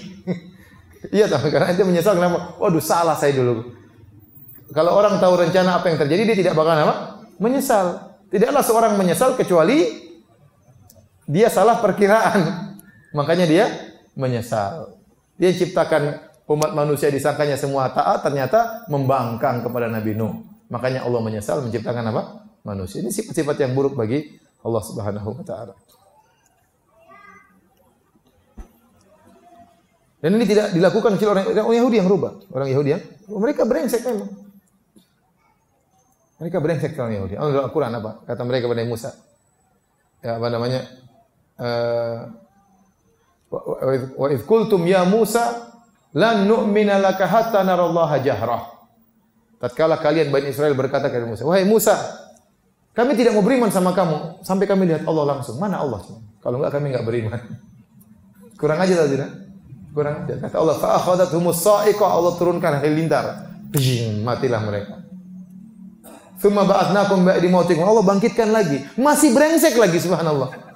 Antum bayangkan antum sudah brengsek di sama Allah udah mati, dihidupkan harusnya kan sadar, tobat, tobat enggak juga dibangkit masih brengsek lagi. Itu Yahudi. Kok bisa begitu? Mereka begitu mau diapain? Lihat Allah sebutkan bagaimana mereka menipu Allah. Dilarang tangkap ikan hari Sabtu, mereka pasang jaring hari apa? Jumat. Ya Jumat. Kenapa kata Allah? Ya. Wa yauma la yasbituna ihtatihim hitanuhum yauma sabatihim syurra'a. Tatkala hari Sabtu ikan datang banyak, loncat-loncat depan mereka. Waduh ikan banyak sekali. Mungkin ikan ngejek-ngejek, eh tangkap saya, tangkap saya banyak. Mereka bingung. Wa yauma la isbituna la. Sementara hari lain tidak datang ikannya. Hari Minggu ikan sudah sepi, entah ke mana. Hari Senin, Selasa ada satu ekor, dua ekor sedikit. Hari Sabtu muncul lagi banyak. Waduh, kita nggak boleh nangkap hari Sabtu. Lama-lama mereka, gimana caranya kita ngakalin Allah supaya tidak berdosa? Ya udah, begitu hari Jumat mereka buat galian di pinggir pantai. Galian. Hari Sabtu air naik dan ikan banyak, ikan-ikan terjebak di dalam galian tersebut. Mereka biarin aja. Hari Minggu baru mereka ambil ikan-ikan tersebut. Mereka tidak kerja hari Sabtu, ikannya salah sendiri kedampar di situ. Luar biasa mereka buat hila. Akhirnya Allah rubah mereka menjadi apa? Mo monyet. Karena monyet itu sangat mirip dengan manusia tapi bukan manusia. Dan apa yang mereka lakukan sangat mirip dengan kebenaran tapi bukan kebenaran. Al jaza menjinsil amal. Balasan sesuai dengan perbuatan. Jadi mereka memang ini sangat brengsek. Bayangkan mereka bicara tentang Allah Subhanahu wa taala. Allah capek. Allah jalan-jalan. Allah apa namanya? Tadi apa? Nyesal ya. Allah jahil, ngeri. Allah dibilang begitu ya. Terus dalam Taurat juga antum dapati pembicaraan mereka tentang para nabi. Juga brengsek-brengsek perkataan mereka. Mereka cerita tentang Nabi Nuh alaihissalam. Ya. Kalau Nabi Nuh Allah sebutkan dalam Al-Quran, innahu kana abdan syakur. Sungguhnya Nabi Nuh adalah hamba yang pandai bersyukur. Bayangkan Nabi Nuh sangat bersabar ya. Bersabar ya. Alfasanatin illa khamsina ama. Nabi Musa, Nabi Nuh berdakwah 950 tahun. Sabarnya luar luar biasa Nabi Nuh. Tapi kalau dalam perjanjian lama disebutkan Nabi Nuh pertama kali adalah jadi petani. Kemudian dia tanam anggur. Kemudian dia minum khamr, minum bir, kemudian dia telanjang dalam kemahnya. Coba Nabi teler. Gimana Nabi teler begini? Ini dalam dalam Taurat. Nabi teler coba. Habis teler buka baju lagi dalam kemah. Ini malu kan? Gara-gara dia teler dia buka baju telanjang. Nabi Lut disebutkan oleh mereka ya Nabi Lut ya akhirnya berzina dengan dua putrinya. Dari dua putri tersebut lahir anak-anak keturunan. Ya. Ini mereka bikin cerita. Nabi Lut berzina dengan putri pertama, dan dengan putri ke kedua. Dari dua anak dari dua perzinahan tersebut lahirlah anak-anak menjadi beberapa suku. Kenapa mereka bikin cerita tersebut? Karena Yahudi ini punya musuh sama suku yang lain, yang suku-suku tersebut keturunan Nabi Lut. Maka mereka bikin cerita kamu itu anak zina semua. Dan mereka bikin cerita tersebut mereka taruh di perjanjian lama. Kenapa? Karena permusuhan sama suku yang lain. Saya lupa namanya suku apa. Intinya dibuat itu suku-suku yang hasil perzinahan untuk menghina mereka. Mereka bikin cerita seperti itu. Sementara dalam Al-Quran bagaimana? Nabi Lut orang yang sangat suci. Tidak mungkin begitu-begituan. Ya. Sampai Nabi Lut diajak homoseksual tidak mau sampai kaumnya mengejek kata mereka innahum unasun Harun. Sungguhnya Lut dan anak-anak itu orang-orang yang sok suci. Karena tidak mau praktek homoseksual. Anak-anak perempuannya tidak mau praktek lesbian, tidak mau. Maka dikatakan oleh kaumnya innahum unasun Harun. Mereka itu kaum yang sok suci. Dia dalam Islam bagaimana dipuji Nabi Lut dan putri-putrinya sebagai orang-orang yang suci. Kemudian dalam Taurat ternyata berzina. Bayangkan.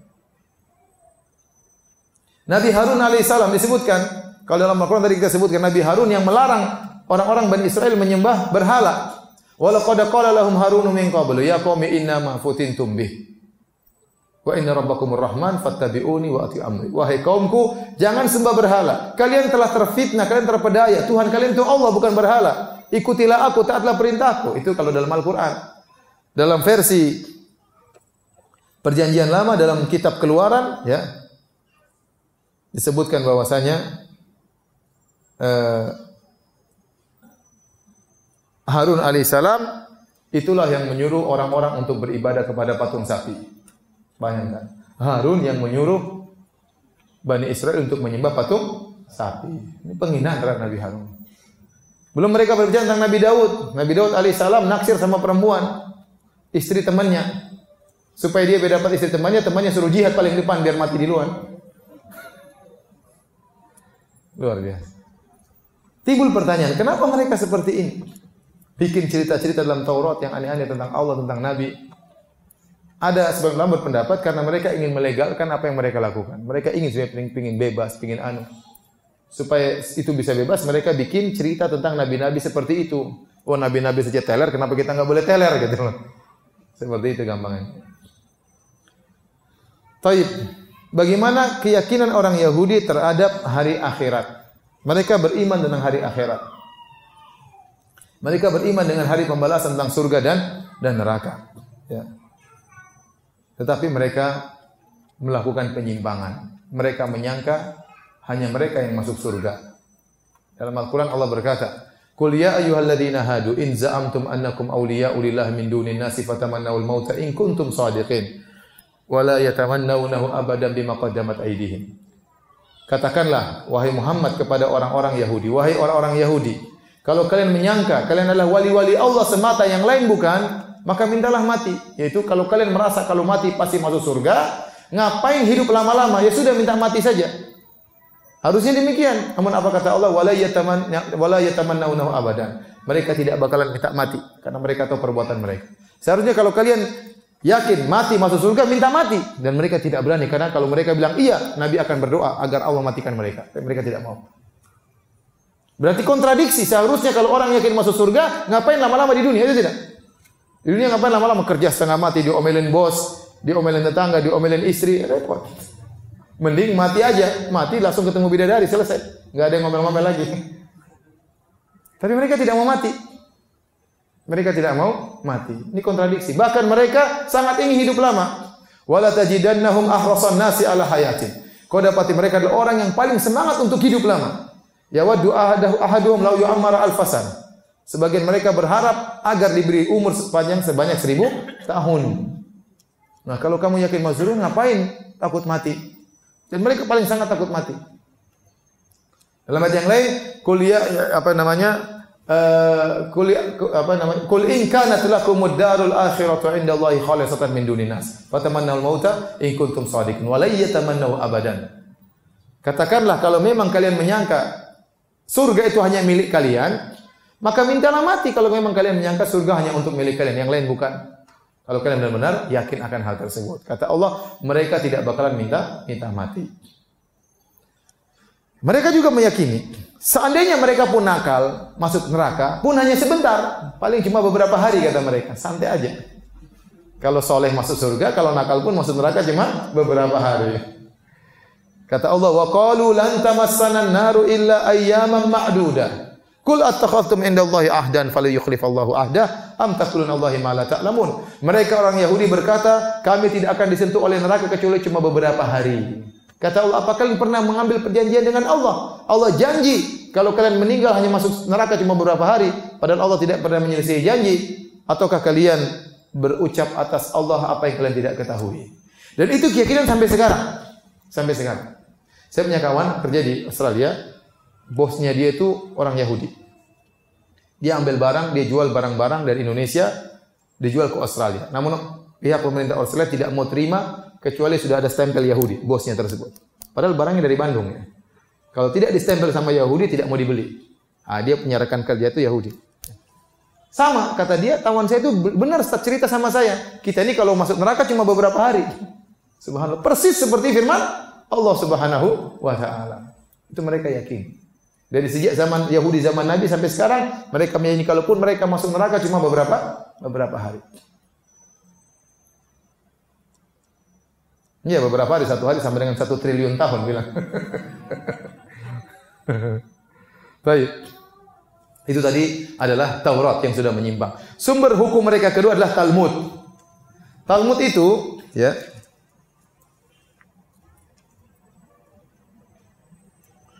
Talmud terdiri atas dua, yaitu matan dan syarah. Matan namanya musyannad dan syarah namanya jumara atau jamara.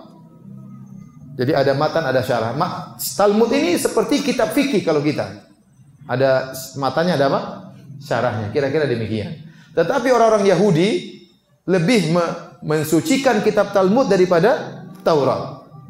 Sebagaimana sebagian orang Islam lebih mensucikan kitab kiainya atau syekhnya daripada Al-Quran. Pokoknya lebih benar. Ada sebagian orang Islam seperti itu. Nah ini Yahudi seperti itu. Mereka kalau sudah bicara Talmud, Talmud ini lebih hebat daripada daripada Taurat. Ya. Sebenarnya uh, Talmud itu ya, adalah penjelasan para ulama Yahudi, pendeta rahib-rahib Yahudi. Penjelasan tentang Taurat, akhirnya diabadikan, dijadikanlah kitab suci tersendiri namanya Talmud. Oleh karenanya mereka berkata, Sungguhnya barang siapa yang belajar Taurat maka dia telah melakukan kemuliaan. Namun dia tidak berhak mendapatkan ganjaran. Dan barang siapa yang belajar musanna yaitu matannya Talmud maka dia telah melakukan kebajikan, keutamaan dan berhak mendapatkan ganjaran. Dan barang siapa yang pelajari Jamara yaitu syarahnya dari Talmud, maka dia telah melakukan keutamaan yang terbesar. Ini isyarat bahwasanya mereka lebih mengagungkan Talmud daripada Taurat. Baik. Talmud ini banyak tebal berjilid-jilid. Namun tidak ada dalam bahasa Indonesia. Dalam mungkin bahasa mereka, dalam bahasa Inggris sudah diterjemahkan. Ya. Saya punya kawan, kakak kelas saya di Kismil Akidah di bagian jurusan akidah pernah meneliti tentang Talmud yang tebal tersebut dalam bahasa Inggris. Bagaimana sikap Talmud, pembicaraan Talmud tentang Allah Subhanahu wa taala. Maka dia buat risalah ya uh, tiga jilid ya. Tiga jilid. Sampai kalau tidak salah ada bahasa Ibriyahnya juga, bahasa apa namanya? Bahasa Yahudinya juga. Jadi dia ada manuskrip uh, apa cetakan bahasa Inggris, ada juga cetakan bahasa Yahudi ya tiga jilid tentang Allah Subhanahu wa taala. Saya dikasih bukunya oleh beliau ya. Tapi bacanya malas tiga jilid terlalu banyak. Ya. Tapi ada kesimpulan-kesimpulan yang mungkin kita bisa ambil. Di antaranya dalam Talmud disebutkan bahwasanya mereka menyangka, menurut mereka meyakini Allah itu kerjaannya adalah ta'allumut Talmud ma'al malaika. Allah itu kerjaannya murajaah Talmud sama malaikat. Jadi ngajak malaikat murajaah apa? Talmud. Disebutin dalam Talmud bahwasanya di antara kegiatan Allah adalah al-la'ib ma'al hud, bermain-main dengan ikan paus. Di antara yang mereka sebut dalam Talmud bahwasanya Allah menangis gara-gara musibah yang menimpa orang Yahudi. Ini dalam Talmud. Ya, sebenarnya masih banyak karena tiga jilid tentang apa?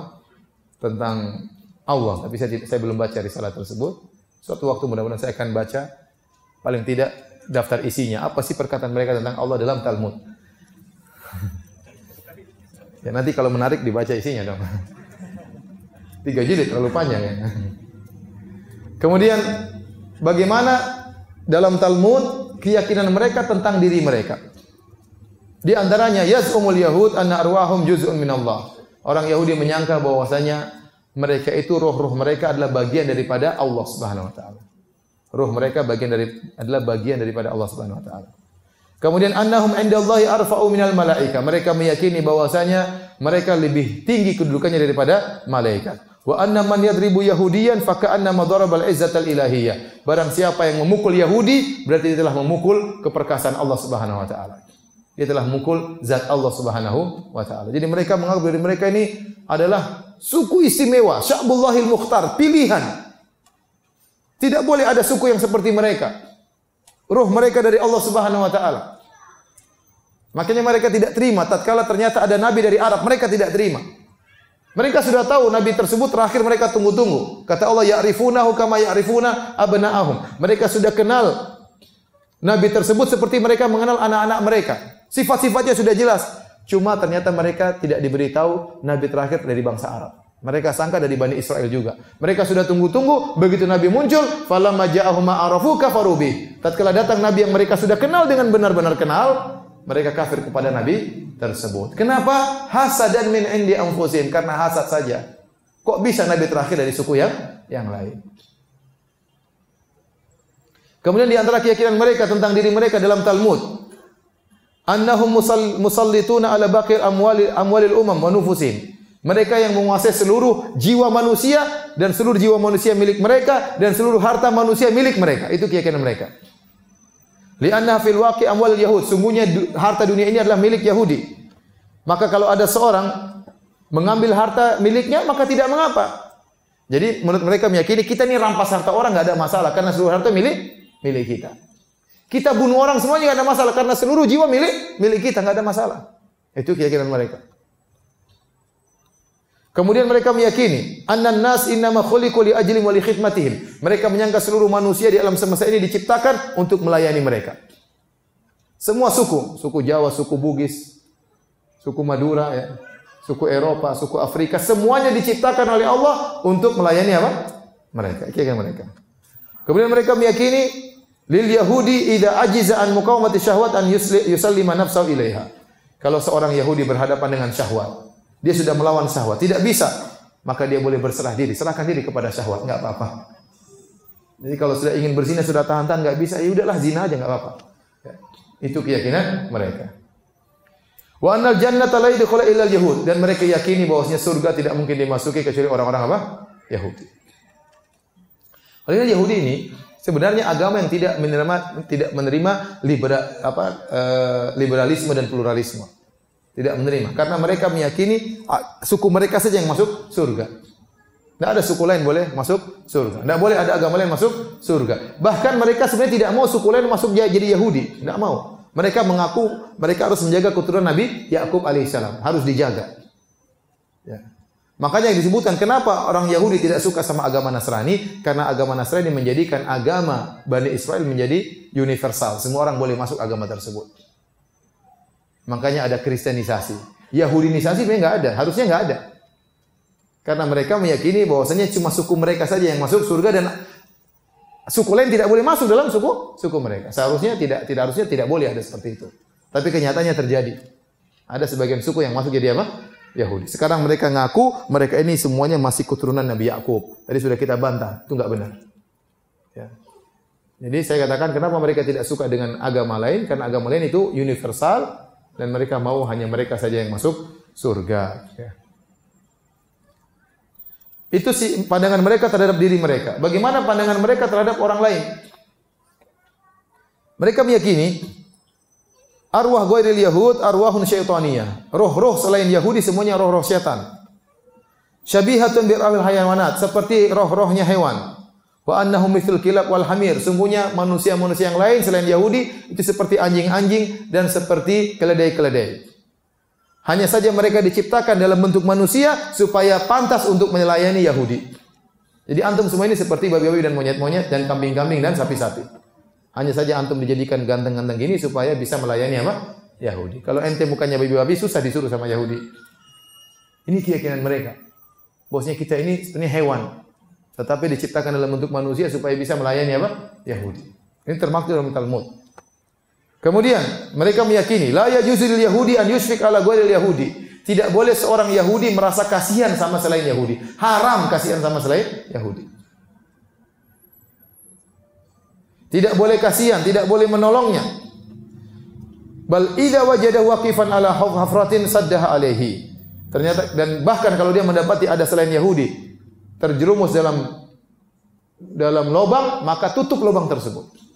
Sekalian. Jangan ditolong. Tidak boleh menolong orang selain Yahudi. Ini keyakinan orang Yahudi. Yahrumu alal Yahudi an yarudda li ghairi mal Yahud li ghairi Yahud ma fuqida minhum. Haram bagi Yahudi untuk mengembalikan barang hilang dari selain Yahudi. Jadi kalau selain Yahudi barangnya hilang, pas ada di kita dapat, orang Yahudi dapat, tidak boleh kembalikan. Haram. Tidak boleh karena itu barang milik apa? Yahudi. Semua harta milik Yahudi. Yahrumu alal Yahudi an yuqrida ghairal Yahudi illa birriba haram bagi seorang Yahudi untuk memberi pinjaman kepada selain Yahudi kecuali dengan riba. Jadi harus riba, wajib apa? Riba. Berzina dengan selain Yahudi, laki-laki maupun perempuan maka boleh dan tidak ada hukumannya, enggak ada masalah. Wajib bagi Yahudi untuk berusaha membunuh orang-orang soleh dari selain Yahudi. Mereka meyakini juga bahwasanya neraka untuk seluruh orang selain Yahudi. Dan neraka itu lebih luas daripada surganya Yahudi 60 kali lipat. Jadi mereka ini kalau di antara mereka ketat, tapi antara mereka dengan luar mereka tidak ada halal haram. Mereka agama ini agama yang sangat ekstrim. Ya, makanya Nabi waktu Idul Fitri atau Idul Adha, Nabi menyuruh Aisyah untuk menonton orang-orang Habasyah bermain-main di masjid. Kata Nabi, "Li ta'lamal yahud anna fi dinina fusha." Agar orang Yahudi tahu agama Islam itu ada kelonggaran. Yahudi ketat, tidak ada gitu-gitu di antara mereka. Ya. Makanya kalau ada wanita haid tidak boleh makan bersama suaminya, tidak boleh duduk sama suaminya, tidak boleh tidur sama suaminya haid, tidak boleh.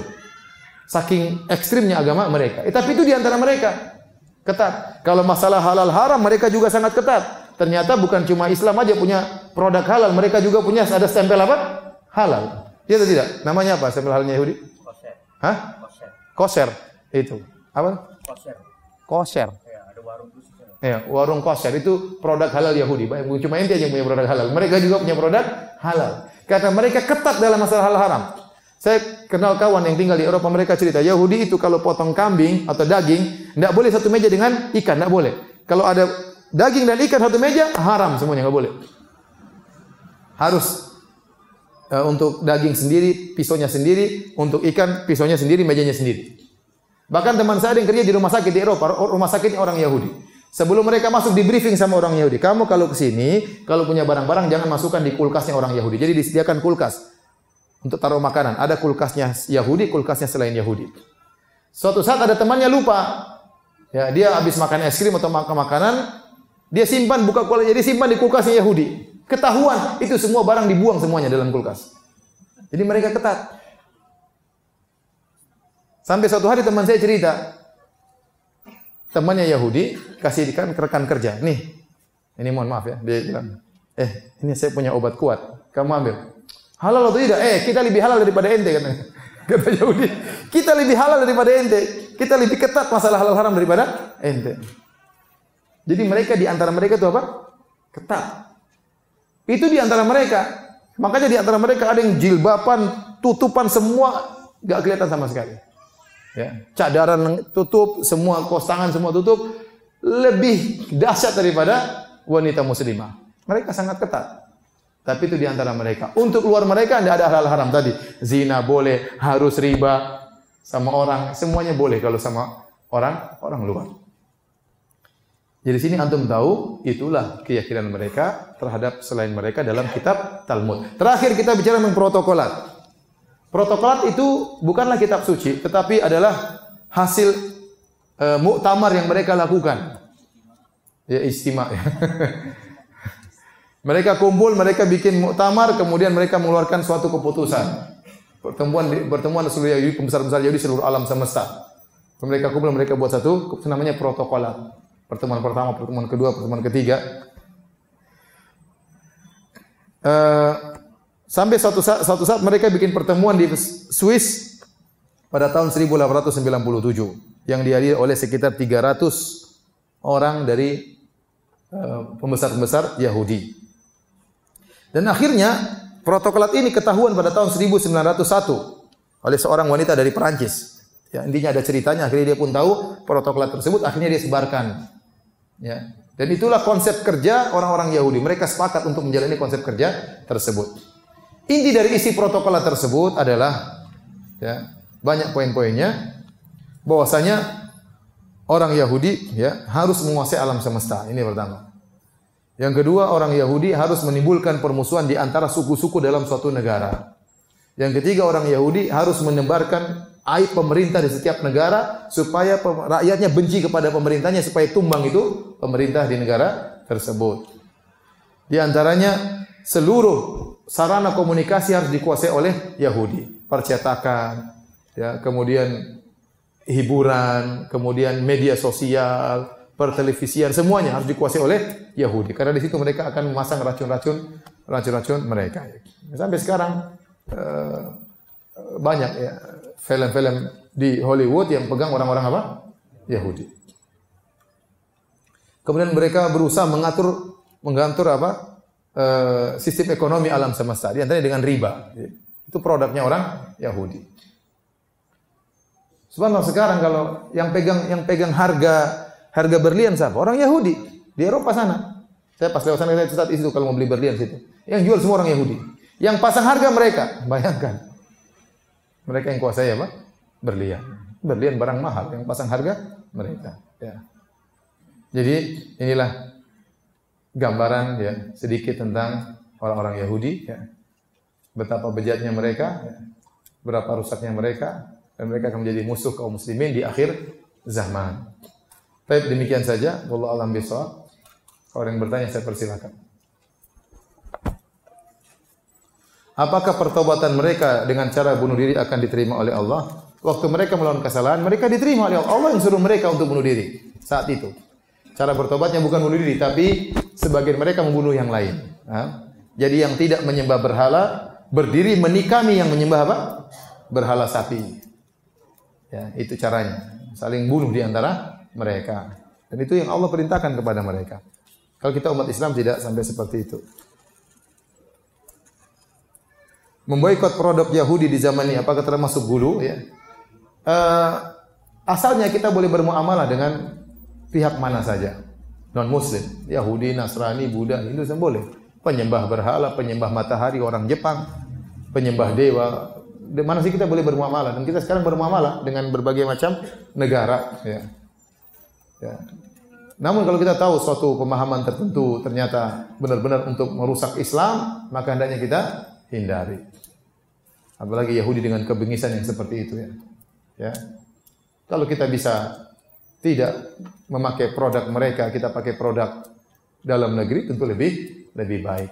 Tetapi kalau untuk menyuarakan harus seluruhnya ini tentu kembali kepada pemerintah. Pemerintah yang lebih tahu masalah-masalah dan mudarat, masalah pemboikotan ya. Apakah kita lagi musuhan misalnya sama negara tertentu, kita boikot ini berdampak buruk atau baik kepada pemerintah tentunya dipikir oleh pemerintah yang mengatur perekonomian ya. Tapi kalau kita sebagai orang Islam kita punya hak saja. Saya berhak tidak pakai produk jadi saya tidak mau. Itu hak kita. Terserah kita. Saya lebih sedang pakai produknya orang Islam. Itu tentu lebih lebih baik. Ya. Tapi kalau mengatakan tidak boleh secara mutlak ini Allah alam besok kembali kepada maslahat dan mudarat. Karena Nabi SAW juga dulu bermuamalah dengan orang Yahudi. Maka kembali kepada maslahat dan mudarat.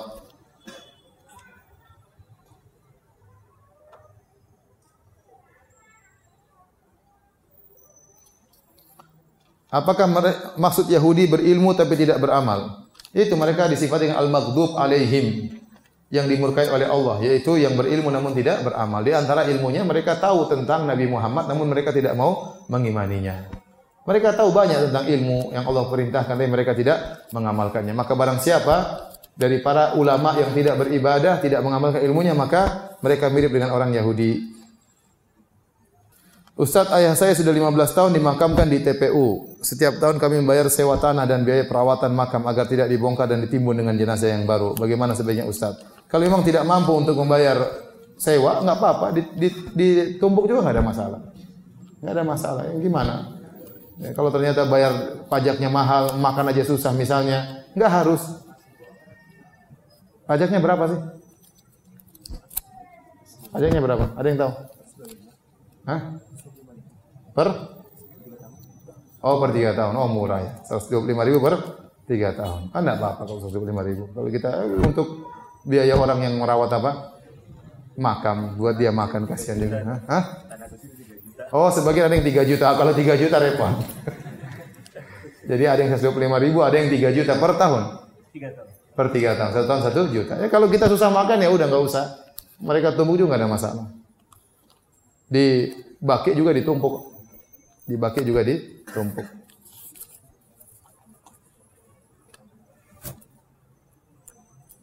Apa kita boleh makan sembelihan orang Yahudi? Ya boleh. Ya, sembelihan orang Yahudi boleh dimakan. Allah yang menghalalkan. Wa ta'amul ladzina utul kitaba halul lakum wa ta'amukum halul lahum. Makanan mereka halal bagi kalian dan makanan kalian halal bagi mereka. Jadi tidak mengapa Yahudi kalau dia pasang produk halal, tidak apa-apa. Yahudi kalau tidak makan babi, yang penting bukan babi dan anjing, tidak mengapa kita makan karena mereka juga ketat. Ya. Ketat. Allah alam bisawab. Saya pernah bilang sama kawan-kawan yang tinggal di sebagian kota Eropa, kan tidak apa-apa kalian makan sembelihan orang-orang Yahudi Nasrani. Kata mereka, Ustaz, yang masalahnya mereka banyak yang ateis. KTP-nya Nasrani tapi apa? ateis. gitu, waduh, repot juga begitu kalau ateis. Seandainya Nasrani Yahudi tidak apa-apa, tapi banyak sekarang orang Eropa yang mereka tidak mengenal Tuhan. Mereka malas pergi ke gereja, mereka tidak beribadah. Sehingga hanya mereka larinya kepada ateis. Yang dapat hidayah lari ke Islam. Sebagai mereka lari menjadi ateis. Itu yang dikhawatirkan oleh teman-teman.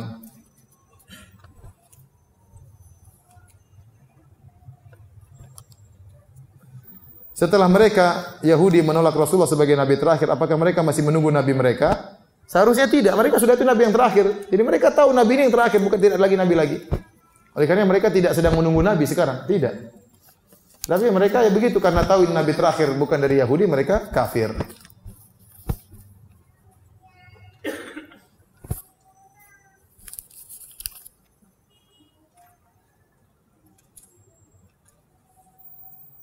Bagaimana dengan orang yang mengaku Habib sedang mereka tidak mengharamkan musik? Nah kita bilang ya namanya keturunan Nabi SAW bermacam-macam. Ada yang sangat soleh bertakwa kepada Allah. Ada juga yang melakukan maksiat. Ada juga yang menyimpang. Ada yang jadi syiah. Ada yang macam-macam ya. Kalau kita tahu ada keturunan Nabi SAW melakukan kesalahan, maka kita tegur. Sebagai bentuk sayang kita kepada mereka, kita tegur bahwasanya itu tidak boleh. Ya, leluhurmu Rasulullah SAW pernah bersabda, la yakunanna aqwamun min ummati yasil wal hirra wal khamr ma'azif. Leluhurmu Rasulullah SAW pernah bersabda, akan ada dari umatku yang menghalalkan alat-alat musik, menghalalkan zina, menghalalkan khamar, menghalalkan sutra bagi lelaki. Sampaikan, jelaskan. Kalau kamu sayang kepada mengagungkan leluhurmu, amalkanlah perkataan leluhurmu. Ya.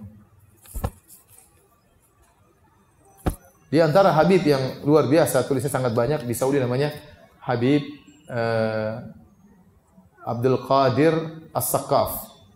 Itu bukunya sangat bagus-bagus. Di internet juga banyak. Duror net, Duror net.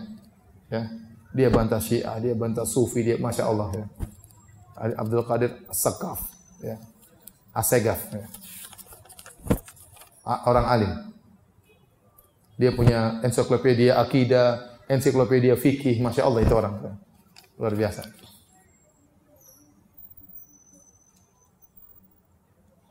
Ustaz, benarkah bangsa Yahudi ditakdirkan oleh Allah sebagai bangsa yang cerdas? Ya, buktinya mereka cerdas memang. Mereka cerdas dan brengsek.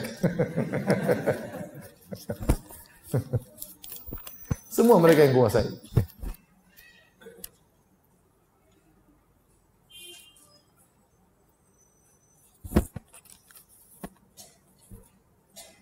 Ini pertanyaan.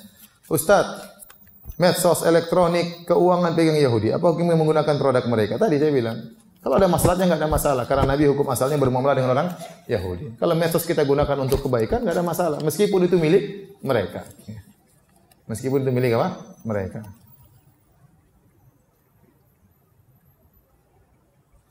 Kalau zakat mal digunakan untuk bangunan masjid tidak boleh. Tapi demikian saja. Uh, mohon maaf banyak pertanyaan yang tidak bisa saya jawab. Ini buat apa ini? Hadiah kan? Ini buat apa? Hadiah?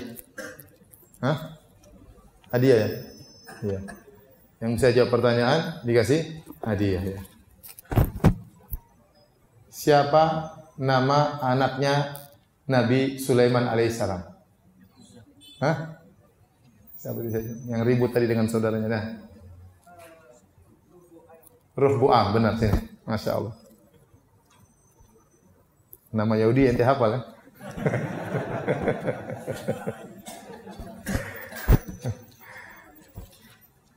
Baik.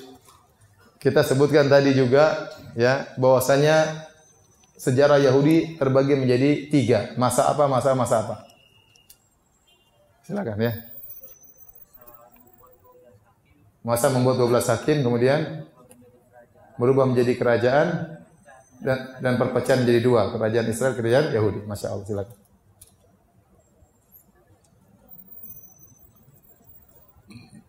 Uh, sebutkan satu ayat dalam Al-Quran tentang brengseknya Yahudi.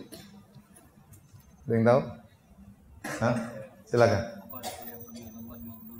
Iya, wa qalatil yahudu yadullahi maglula gullat aidihim wa lu'inu bima qalu. Kata orang Yahudi bahwasanya tangan Allah terbelenggu. Silakan. Masya Allah. Sebutkan dalil bahwasanya musuh utama kita Yahudi sampai hari kiamat. Hah? Mana mana? Angkat tangan, jangan berisik-berisik aja. Ayo, coba.